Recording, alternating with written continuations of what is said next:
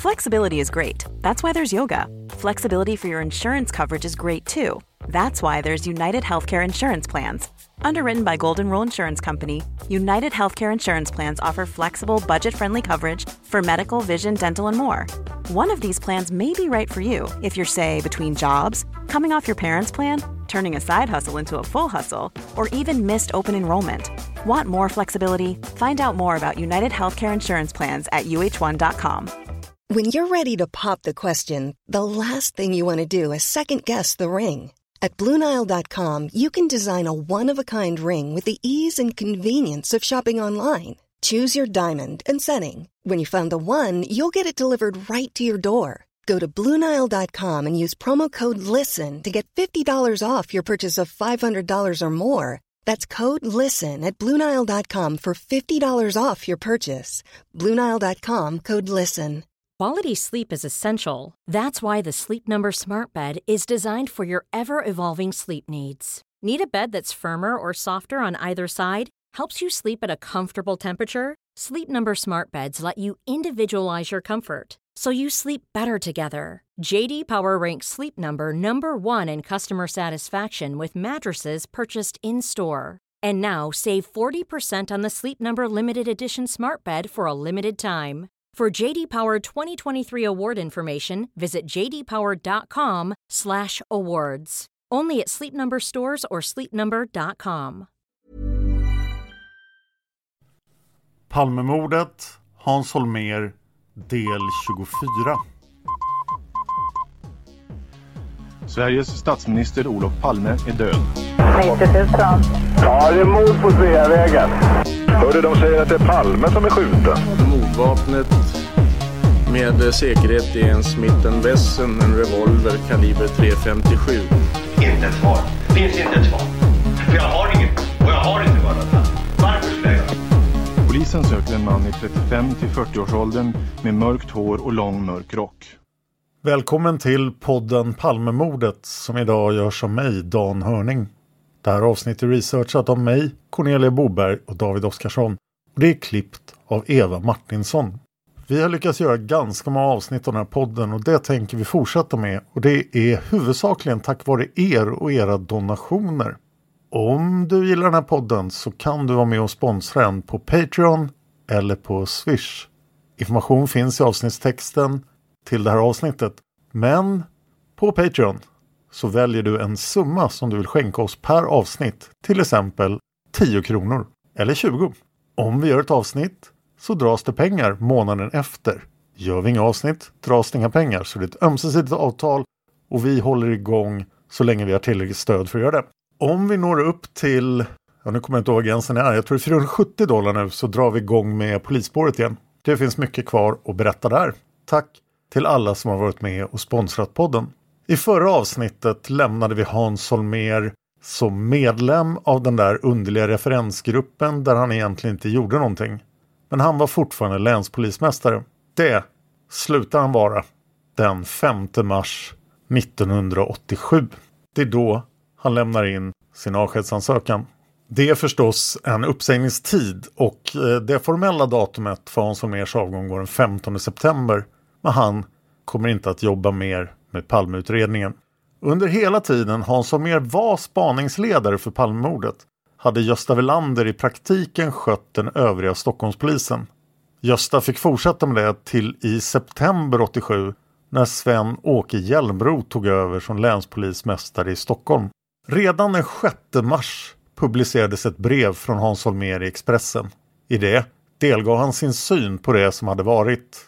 Sitt eget arbete, felen som hade begåtts, kommunikationen med åklagarna och så ett bestämt konstaterande av att han missan inte var rädd för att granskas. Ann-Marie Åseden anmärker följande om brevet, citat. Egentligen är hans avskedsbrev ganska stolt och värdigt med tanke på att det kommer från en i medierna fullständigt förintad människa. Slutcitat.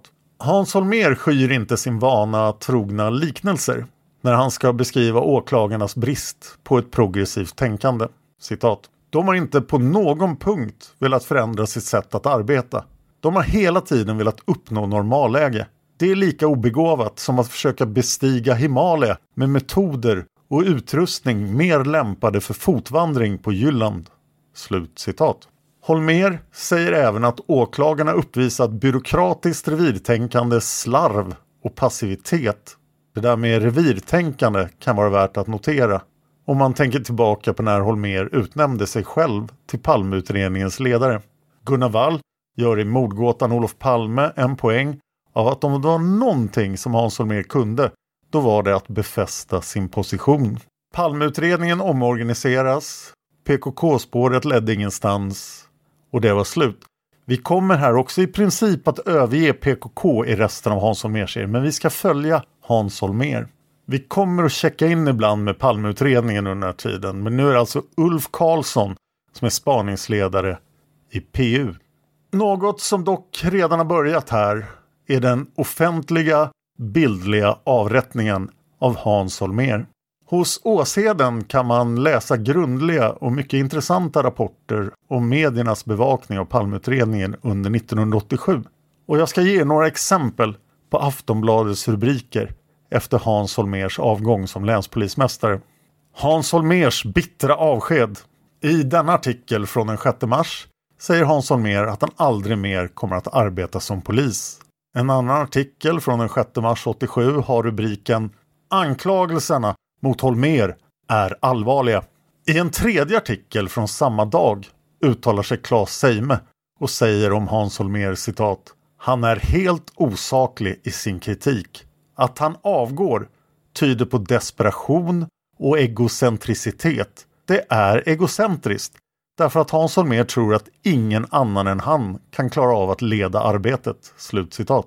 En fjärde Aftonbladet-artikel, fortfarande från samma dag, den 6 mars, pryds av följande rubrik. Ett helt år fyllt av misslyckanden.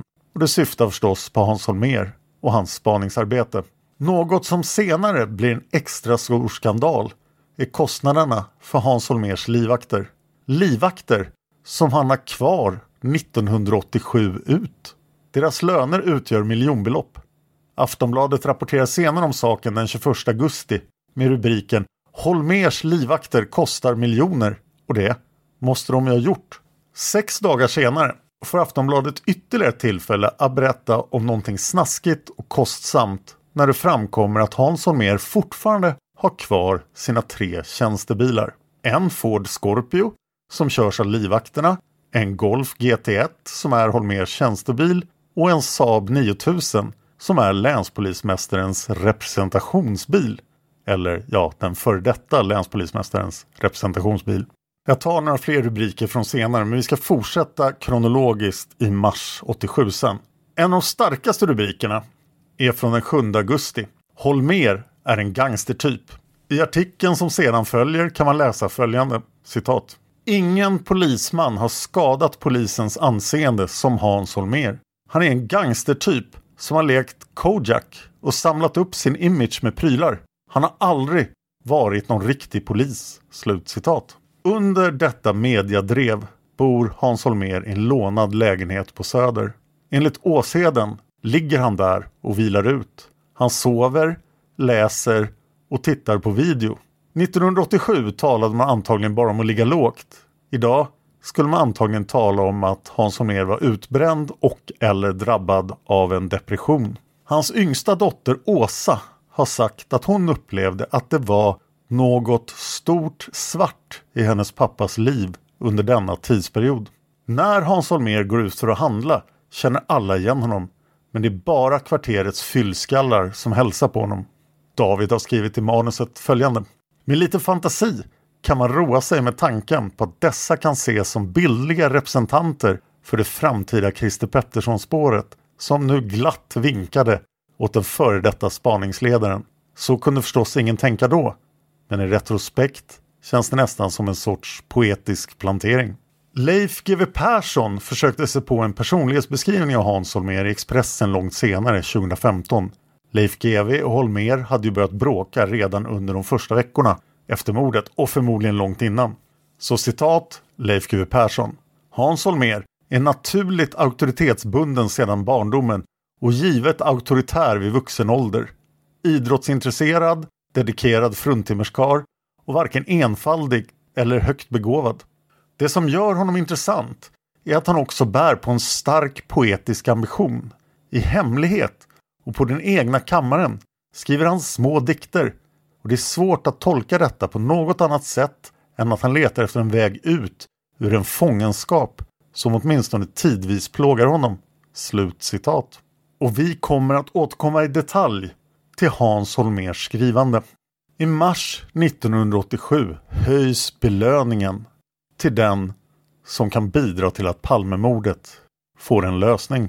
Olof Palmes bror Claes Palme hade krävt i november 86 att belöningen skulle höjas från 500 000 till 10 eller 20 miljoner, någonstans däremellan. Belöningen höjs i mars 1987 bara till 5 miljoner kronor. Men det är en tiodubbling av summan.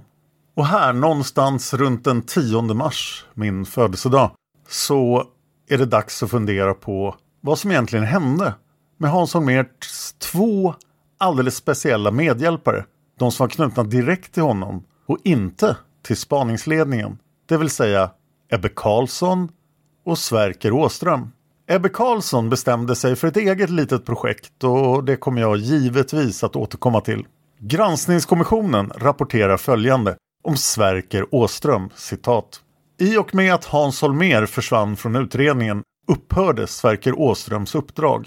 I den utfrågning som juristkommissionen höll med Sverker Åström den 10 mars 1987 konstaterade denne att han inte på länge hade haft kontakt med Hans Holmer och att hans befattning med detta mål kommit till sitt absoluta slut.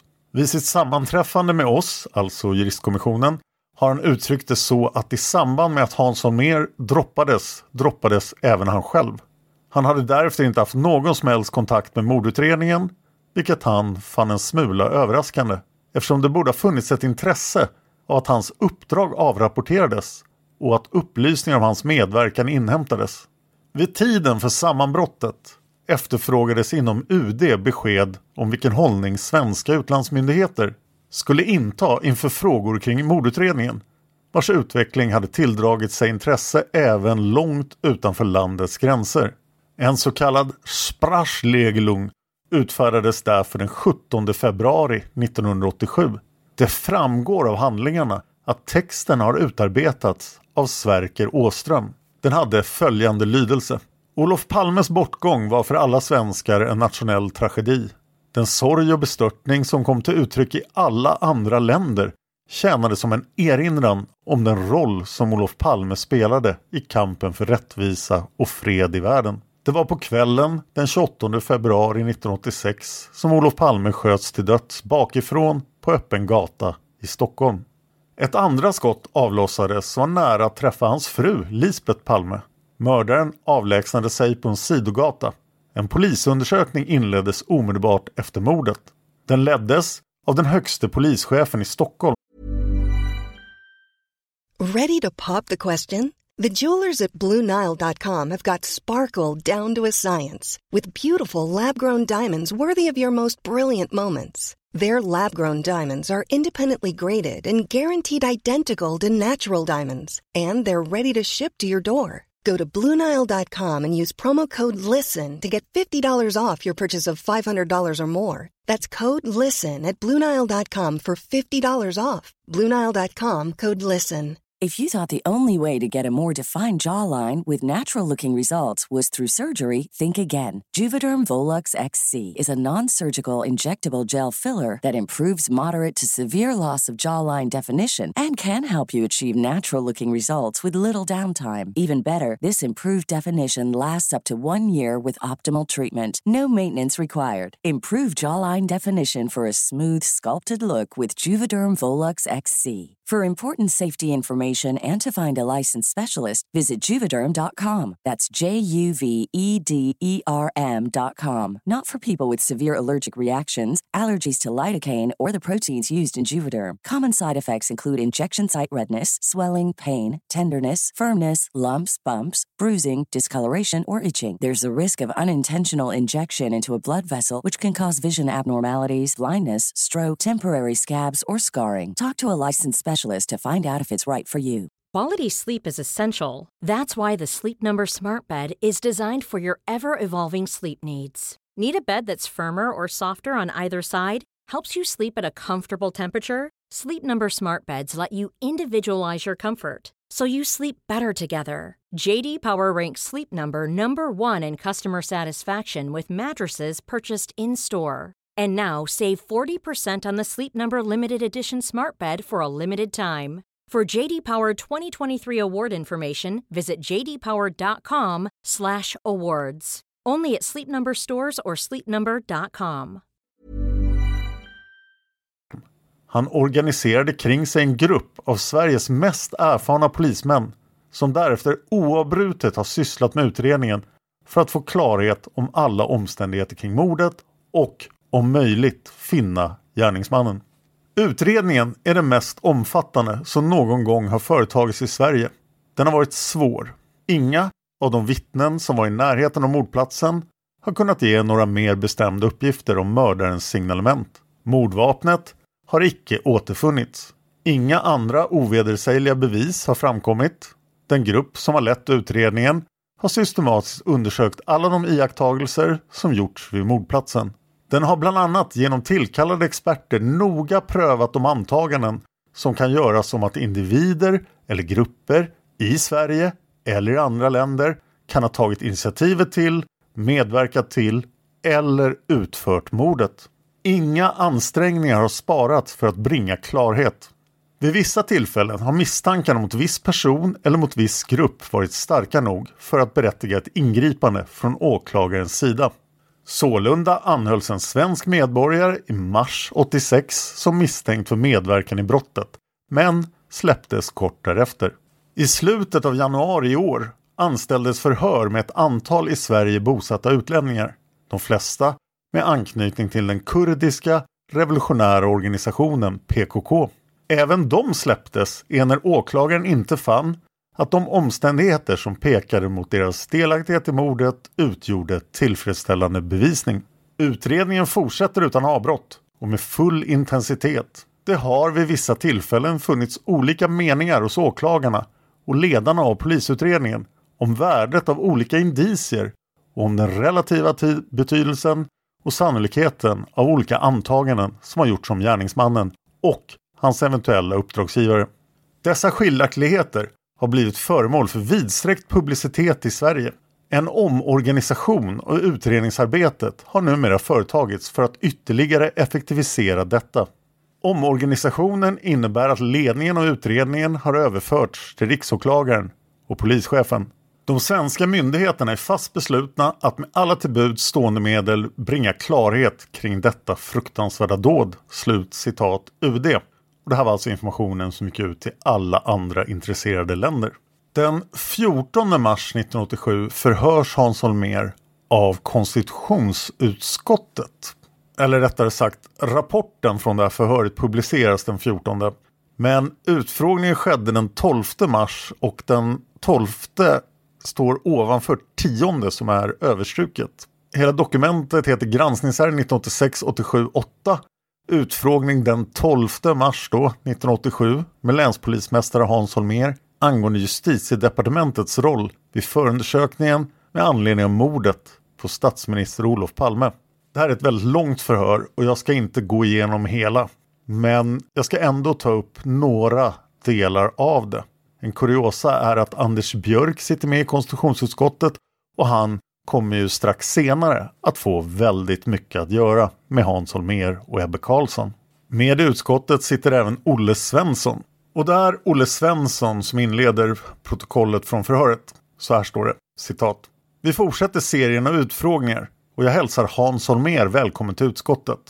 Eftersom det är så många utredningar på gång är det viktigt att betona att utgångspunkten för vår granskning är innehållet i 11 kapitlet sjunde paragrafen regeringsformen. Där står det Ingen myndighet, ej heller riksdagen eller kommuns beslutande organ får bestämma hur förvaltningsmyndighet skall i särskilt fall besluta i ärende som rör myndighetsutövning mot enskild eller mot kommun eller som rör tillämpning av lag. Det som ska diskuteras är alltså regeringens befattning med olika frågor som har kommit upp i anslutning till utredningen om mordet på Olof Palme. Jag följer den praxis som vi tillämpar i utskottet och lämnar första ordet till den som vi inbjudit. Hans Holmér svarar jag har naturligtvis klart för mig i stort vilka centrala frågeställningar som är aktuella för utskottet. Jag väljer därför att först kommentera hur informationen har gått från mig till kanslihuset och relationerna i stort mellan mig och Åklagarmyndigheten i Stockholm. Slut citat protokollet. Hans Holmér kommer i det här förhöret att berätta massor av det som vi redan har pratat om med ganska stort fokus på konflikten med åklagarna. KG Svensson får givetvis ett antal sparkar av Hans Holmér. Han repeterar också historien om hur han kom in på PKK. På sid 15 i förhöret så ger Hans Holmér ytterligare en känga till KG Svensson. Men sen blir det ganska intressant. Så här tänkte jag att jag skulle citera igen. Så citat Hans Holmér. Jag vill nämna en detalj som visar hur jag ser på det. KG Svensson har gjort gällande att han inte annat än efter lång fördröjning fick en utskrift av ett förhör med Lisbeth Palme som jag hade hållit. Det var på det sättet att jag tog kontakt med Lisbeth Palme mycket tidigt efter mordet. Av olika skäl blev vi överens om att jag skulle träffa henne någon tid efter begravningen och då ha ett första samtal. Det hade vi. Där gick jag naturligtvis in på vad hon hade sett av gärningsmannen. Jag höll ett ingående förhör med henne och redovisade omedelbart det förhöret i spaningsledningen. Vi talade in det på band och det skrevs ut. I spaningsledningen ingick den man, SL Pettersson, med vilken KG Svensson direkt samarbetade i samma korridor. Den vägen fick KG Svensson reda på innehållet i förhöret. Han kontaktade mig under lunchen en dag. Vi möttes i restaurangen och han sa att han gärna ville ha utskriften av förhöret. Jag sa att han skulle få det. Jag glömde bort att han skulle ha en utskrift. När han påminde mig fick han det med detsamma. Slut citat. På sid 18 så har Anders Björk en fråga till Hans Holmér. Citat Anders Björk. Jag har en fråga som gäller kontakterna med justitiedepartementet. Det har förekommit tidningsuppgifter om att det planerades redan på ett mycket tidigt stadium någon gång förra sommaren ett tillslag mot kurder.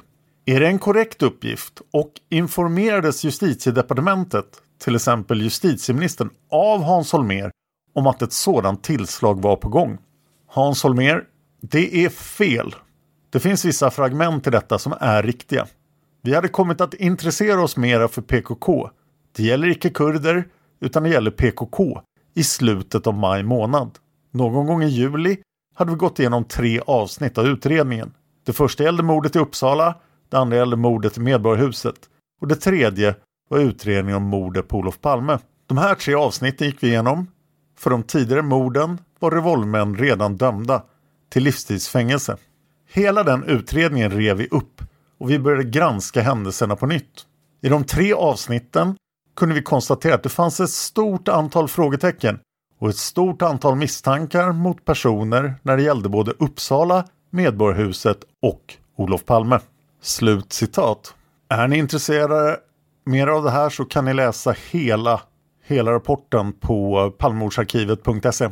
Det blir den 19 mars 1987. Allmänheten är upprörd över allting som har hänt i Palmeutredningen. Media är upprörda. Politiker upprörda. Juristkommissionen är långt ifrån klara än.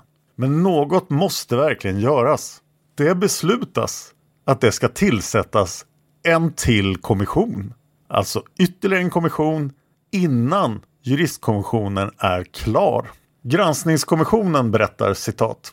Den parlamentariska kommissionen tillkallades den 19 mars 1987. Således under det att juristkommissionen arbetade ungefär en månad innan juristkommissionen avgav sin första rapport. Som framgår av namnet hade kommissionen en parlamentarisk sammansättning. Den bestod av före detta riksdagsledamöterna Ragnar Edenman, ordförande, Torbjörn Fälldin, Sven Gustafsson och Håkan Winberg. Riksdagsledamöterna Doris Håvik, Ivar Nordberg och Jörn Svensson samt kommunalrådet Sören Mannheimer. Parlamentariska kommissionens uppgift var att följa upp juristkommissionens arbete. Den skulle enligt direktiven värdera och dra slutsatser av det material som juristkommissionen tog fram och föra fram egna förslag inför framtiden. Den parlamentariska sammansättningen var enligt direktiven lämplig för detta ändamål. Övervägandena skulle följa två huvudlinjer. De frågor om säkerhetsskydd och andra förebyggande åtgärder samt beredskap som mordet och händelserna kring detta hade aktualiserat. Och de principiella frågorna rörande bland annat ansvarsförhållandena mellan berörda myndigheter som mordet och mordutredningen hade givit upphov till. Parlamentariska kommissionen hade även att överväga om dess ställningstaganden för framtiden borde ta sig uttryck i utarbetade förslag angående till exempel organisation och lagstiftning eller om den skulle stanna vid förslag till fortsatta undersökningar enligt riktlinjer som kommissionen i så fall själv borde föreslå. Juristkommissionens material skulle bilda utgångspunkt för arbetet. Det synes ha förutsatts att parlamentariska kommissionens egna utredningsåtgärder skulle vara begränsade. Något som också framgår av att det i direktiven påmindes om att juristkommissionen även sedan dess arbete hade avslutats skulle stå till den parlamentariska kommissionens förfogande för eventuella kompletterande undersökningar. Sammanfattningsvis bestod parlamentariska kommissionens uppdrag väsentligen i att dra slutsatser av det material som juristkommissionen presenterade. Parlamentariska kommissionen utförde dock under hösten 1987 en egen granskning av det så kallade polisspåret. Resultatet av den granskningen redovisades den 21 december 1987 i en särskild skrivelse till justitiedepartementet som även bifogades till kommissionens rapport. Slut citat GRK. Nu fanns det alltså två kommissioner som arbetade parallellt och båda två var väldigt intresserade av Hans Holmér. Kommer ni ihåg vad UD var intresserad av? De hade tjatat på Hans Holmér om Chile och spåret Michael Townley. Och den 31 mars undrar UD vad som egentligen hände med det spåret. Nu, när Hans Holmér är borta, får de äntligen som de vill. Granskningskommissionen berättar citat. UDs irritation över mordutredningens inställning till dessa uppslag synes vara det som låg bakom det möte som hölls efter sammanbrottet den 31 mars 1987 och som dokumenteras i en promemoria av Nils G Rosenberg. Vid mötet deltog förutom kabinettssekreteraren Pierre Schori, kansliråden Sven-Olof Petersson och Nils G Rosenberg, riksåklagaren Magnus Sjöberg, biträdande riksåklagaren Axel Morath, chefsåklagarna Solveig Riberdal och Anders Helin, byråchefen Jörgen Almblad, chefen för Rikskriminalen Tommy Lindström, biträdande avdelningschefen Per-Göran Ness samt polisintendenten Roland Ståhl. Vid mötet gick man, som det heter i promemorian, informellt igenom tre uppslag med latinamerikansk anknytning. Det blev april 1987. Nu skulle juristkommissionen vara klara enligt den ursprungliga planen men det var de alltså inte alls. Istället för att leverera en slutrapport levererade de en delrapport. I april 1987 redovisades granskningen så vitt gällde de första 12 timmarnas polisarbete, de centrala samhällsfunktionerna samt skyddet av offentliga personer och bekämpning av terrorism. Juristkommissionen lovade att återkomma med en andra rapport. Parlamentariska kommissionen hade givetvis ingenting att rapportera än. De hade ju precis börjat sin verksamhet. Det finns inte mycket information om vad Hans Holmér gjorde här under sitt halvår som förmodligen fortfarande avlönad, avaktiverad från sitt arbete men formellt fortfarande anställd. Gunnar Wall skriver i Mörkläggning på sid 374 citat. Under de följande månaderna upprätthöll den före detta spaningsledaren en del kontakter med regeringen i väntan på att hans närmaste framtid skulle bestämmas. I juli träffade han Ingvar Carlsson och i augusti var han på middag hemma hos Anna-Greta Leijon som då fortfarande var arbetsmarknadsminister. Den 1 september skrev socialminister Gertrud Sigurdsen till FNs narkotikafond i Wien och erbjöd fonden en svensk expert. Det var Hans Holmér hon hade i åtanke. Eftersom Sverige skulle betala lönen var det givet att svaret skulle bli ja. Det blev det också. Hans Holmér fick en kontraktsanställning i Wien som skulle starta efter nyårshelgen 88 och till att börja med löpte på åtta månader. Som en mjukstart blev han anställd som expert i socialdepartementet under hösten 87. Därmed var han försörjd för ett år framåt och dessutom borta från den svenska politiska scenen tillräckligt länge för att saker och ting skulle kunna lugna ner sig. Såg det ut som i alla fall. Slut citat Gunnar Wall. Och jag vill påminna om att Hans Holmér alltså var en av de främsta polisexperterna på just narkotikafrågor efter hans arbete med den stora narkotikakommissionen långt innan Palmemordet. Den 15 september 1987 avgår Hans Holmér formellt som länspolismästare trots att han alltså inte har jobbat sedan den 5 mars. Gunnar Wall har en till kort kommentar om det i mörkläggning på sid 194 citat. Han ska bli narkotikaexpert åt FN i Wien. Dit reser han ner vid årsskiftet 87-88.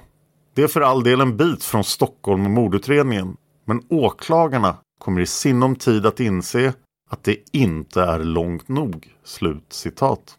Efter att Hans Holmér kopplades bort har Palmeutredningen en helt ny sorts problem. Och det ska vi prata mer om i vad jag nu kan få ihop om Ulf Karlsson. Men det fattas ett beslut att det behövs en ny spaningsledare. Och kommissarien vid Rikskriminalen Hans Ölvebro tillfrågas i oktober 1987 om han kan tänka sig att ta över som operativ spaningsledare under Ulf Karlsson. Ölvebro får 35 utredare till sitt förfogande. Jag har pratat med Gunnar Wall om det här i mail och Gunnar Wall säger personligen till mig citat Det är dock vad jag kan se lite dimmigt exakt när Ulf Karlsson lämnar över till Ölvebro. Slutcitat. Det kommer dock att ske ett officiellt utnämnande av Hans Ölvebro till spaningsledare under 1988. Den 20 oktober 1987 går Hans Holmers skilsmässa igenom. Han hade gift sig den 9 december 1978. Men nu var han alltså formellt skild. Och det gjorde ju säkert Åsa glad. Den 12 november 1987 beslutar regeringen att höja belöningen för ett avgörande tips ytterligare med faktor 10. Belöningen höjdes ju tidigare från 500 000 till 5 miljoner men det är här den 12 november som den höjs till 50 miljoner kronor. Den 18 november 1987 går Sivert Öholms direktsända tv-program Forum på tv. I programmet framträder den före detta kommissarien Gösta Söderström. Honom känner ni väl till. I programmet redogör Gösta Söderström för sin uppfattning om när polisen kom till mordplatsen efter Palmemordet. Och jag vill nu läsa ett litet stycke ur Inuti labyrinten av bröderna Putiainen för er. Det är på sid 61. Citat. Omedelbart efter Öholms program gick polisledningen till motattack. Hans Holmer bröt plötsligt sin långa tystnad. Han hade inte uttalat sig om palmutredningen sedan han avgick som spaningsledare i mars 1987 och lät sig intervjuas av TT den 20 november och Göteborgs-Posten den 21. I intervjuerna gjorde han ett uttalande som skulle bli något av en käpphäst för honom. Holmer sa Jag tror mer på fröken Ur än på Gösta Söderström. Slutcitat. Dessa intervjuer för att mota Söderström var faktiskt de enda Hans Holmér gav innan Ebbe Carlsson-affären briserade. Holmér skulle senare påpassligt glömma bort dem. I Expressen den 1 juni 1988 säger han nämligen jag har inte gett några kommentarer till Palmeutredningen sedan jag avgick och tänker inte börja göra det nu heller. Slut citat inuti labyrinten. I december 1987 pågår alltså arbetet med att lämna över Palmeutredningen från Ulf Karlsson till Hans Ölvebro. Men den styrka poliser som jobbar med Palmemordet är bara en blek skugga av den massiva armé som Hans Holmér hade befälet över 1986. Juristkommissionen levererar till slut sin andra rapport och avslutar därmed sin verksamhet. Parlamentariska kommissionen är fortfarande igång och ja, utreder bland annat juristkommissionens rapport. I den andra rapporten från juristkommissionen redovisas eh, brottsutredningen från den 1 mars 1986 till den 4 februari 1987. Det vill säga hela perioden från 12 timmar efter mordet fram till det så kallade sammanbrottet då utredningsarbetet helt omorganiserades enligt ett särskilt regeringsbeslut. SL Pettersson han som var med i spaningsledningen på grund av att han var chef för Stockholmspolisens spaningssektion, har följande att säga om Hans Holmer i rapporten. Citat. Holmer är ju en mycket dominant man som sätter sin prägel på omgivningen. Hans åsikter fördes fram och genomdrevs. Det gavs inte mycket utrymme för diskussion. Slut citat. Gunnar Wall skriver i mörkläggning på sid 49 citat. När kommissionens ordförande, hovrättspresident Karl Ivar Skarstedt, frågade SL Pettersson om inte de utomordentligt kompetenta personer som satt i spaningsledningen borde haft möjlighet att föra fram sina åsikter och få igenom dem i rimlig omfattning, svarade denne. Ja, det kan man tycka. Normally, being a little extra might be a bit much, but not when it comes to healthcare. That's why United Healthcare's Health Protector Guard fixed indemnity insurance plans, underwritten by Golden Rule Insurance Company, supplement your primary plan so you manage out of pocket costs. Learn more at uh1.com. Planning for your next trip? Elevate your travel style with Quince. Quince has all the jet setting essentials you'll want for your next getaway, like European linen, premium luggage options, buttery soft Italian leather bags, and so much more and is all priced at 50 to 80% less than similar brands. Plus, Quince only works with factories that use safe and ethical manufacturing practices. Pack your bags with high-quality essentials you'll be wearing for vacations to come with Quince. Go to quince.com/pack for free shipping and 365-day returns. Planning for your next trip? Elevate your travel style with Quince. Quince has all the jet-setting essentials you'll want for your next getaway, like European linen premium luggage options, buttery soft Italian leather bags, and so much more. And is all priced at 50 to 80% less than similar brands.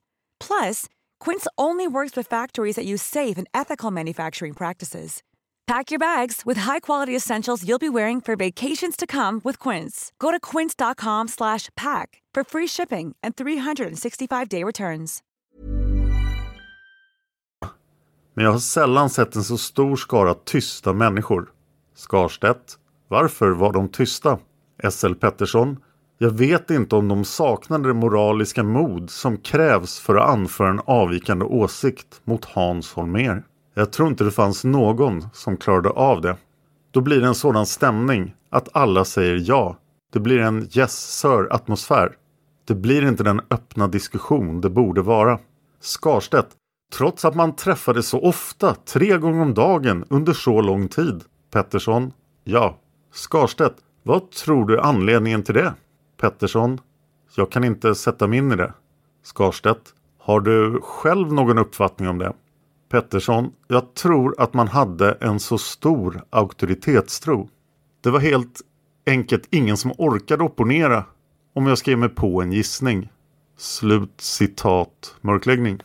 Lite senare på sid 50 citat. Den märkliga interiör från spaningsledningen som Pettersson skisserar får ytterligare karaktär när han beskriver reaktionerna som kom de fåtaliga gånger då han själv uttalade en avvikande åsikt. Det utlöste icke någon diskussion. Det var ganska tyst runt bordet. Det är egentligen ganska ruskig stämning man målar upp. Men det var så. När en annan av kommissionens ledamöter, Olof Bergqvist, för säkerhets skull frågar om det var någon annan i ledningsgruppen som också framförde förslag eller avvikande åsikter svarar Pettersson aldrig. Och han förtydligar sig igen. Det var tystnad. Bergqvist frågar då från början av mars till början av februari. Pettersson ja. Slutcitat. Det blir 1988.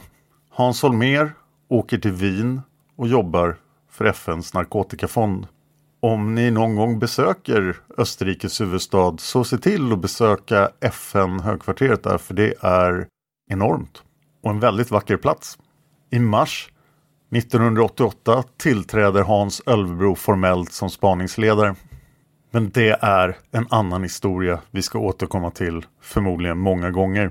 I april 88 avslutas den parlamentariska kommissionens arbete och det kommer att dröja ytterligare sex år innan det är dags för granskningskommissionen. Och det här är ett citat från granskningskommissionen i det ärendet. Parlamentariska kommissionens arbete avslutades med en rapport som avgavs den 22 april 1988. Det vill säga drygt ett år efter det att kommissionen hade tillkallats och knappt ett halvår efter det att juristkommissionen slutredovisat sitt uppdrag. I huvudsak täcker parlamentariska kommissionens rapport samma tidsperiod som juristkommissionens granskning. I rapporten sägs emellertid att kommissionen har informerat sig om utredningsarbetet efter omorganisationen i februari 87 och att de upplysningar som därvid hade inhämtats inte har gett kommissionen anledning att själv eller genom anlitande av juristkommissionen företa någon granskning av brottsutredningen under tiden därefter. Ulf Karlssons arbete som spaningsledare har alltså inte granskats av någon av kommissionerna. GRK fortsätter, citat. Resultaten av parlamentariska kommissionens arbete görs inte till föremål för någon självständig behandling i denna framställning av följande skäl. I praktiken bestod dess uppdrag och arbetsmetod i att studera det material som juristkommissionen hade tagit fram och dra slutsatser av detta. Den sammantagna tanken med de två kommissionerna kan uppfattas så att den ena skulle utreda, den andra värdera. Att fördela arbetet på det sättet kan kanske tyckas naturligt, men det är inte så lätt i praktiken. Och lite senare, utrymmet för parlamentariska kommissionen att komma fram till andra slutsatser än juristkommissionen torde ha varit litet. Bland annat med tanke på att den inte hade i uppdrag att vidta några egna utredningsåtgärder. Parlamentariska kommissionens rapport består därför i hög grad av redogörelser för vad juristkommissionen funnit och ansett, till vilka kommissionen fogat sina kommentarer. Till övervägande del har parlamentariska kommissionen instämt i juristkommissionens bedömningar. Slut citat GRK. Och trots att båda kommissionerna då är ganska kritiska till vad Hans Holmér har gjort så sitter han i Wien på en välavlönad FN-tjänst nu. Parlamentariska kommissionen hade följande att säga om Hans Holmér och hans ledning av Palmeutredningen. Citat. Parlamentariska kommissionen instämde i de överväganden juristkommissionen gjorde. Det är fortfarande citat från granskningskommissionen. Vad gäller fördelningen av befogenheter mellan åklagare och polis men uttryckte saken mer enkelt och koncist. Juristkommissionens tolkningar i det hänseendet svarar enligt vår mening väl mot den rollfördelning som framgår av lagen. Att åklagaren leder förundersökningar med polisen som biträde heter det i rapporten från den parlamentariska kommissionen. Parlamentariska kommissionens dom över polisledningens och i synnerhet Hans Holmers förhållningssätt var hård. Polisledningen hade antingen inte förstått eller inte velat förstå polisens roll i en åklagarledd förundersökning utan hade handlat som om åklagaren bara var en resurs till förfogande. Skälet till detta var visserligen att man ville göra sitt yttersta för att lösa mordgåtan, men även en uttalad uppfattning att polisledningen var bäst skickad att leda detta arbete. Att i egenskap av länspolismästare omsätta ett sådant tankesätt som det sistnämnda i handling genom att i stor utsträckning nonchalera det föreskrivna organisationsmönstret innebär ett missbruk av den ställning och det förtroende som följer med den befattningen. Slut citat GRK. Gunnar Wall skriver i mörkläggning på sid 608 citat. I sitt uppdrag som narkotikaexpert har Hans Holmér varit i Bolivia och Peru. Den 22 april 1988 kommer han till Arlanda och stannar i Sverige till den 25 då han återvänder till Wien. Men vad gör han under sin snabbesit? Själv har han sagt att han går på en 40-årsskiva och att han inte har några kontakter som berör mordutredningen. Det är inte alldeles lätt att tro honom.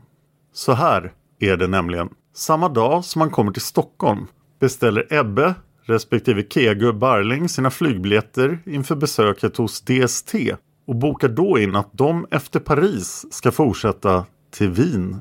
De medger själva i efterhand att syftet med det planerade gästspelet i den österrikiska huvudstaden är att prata med Hans Holmér.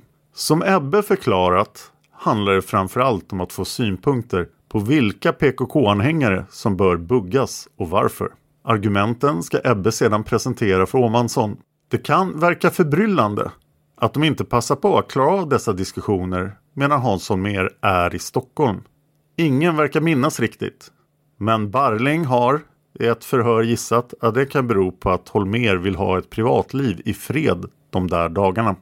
I vilket fall har vinresenärerna enigt förklarat att innan de beställde flygbiljetterna måste de självfallet ha haft kontakt med den förre spaningsledaren och bokat ett sammanträffande.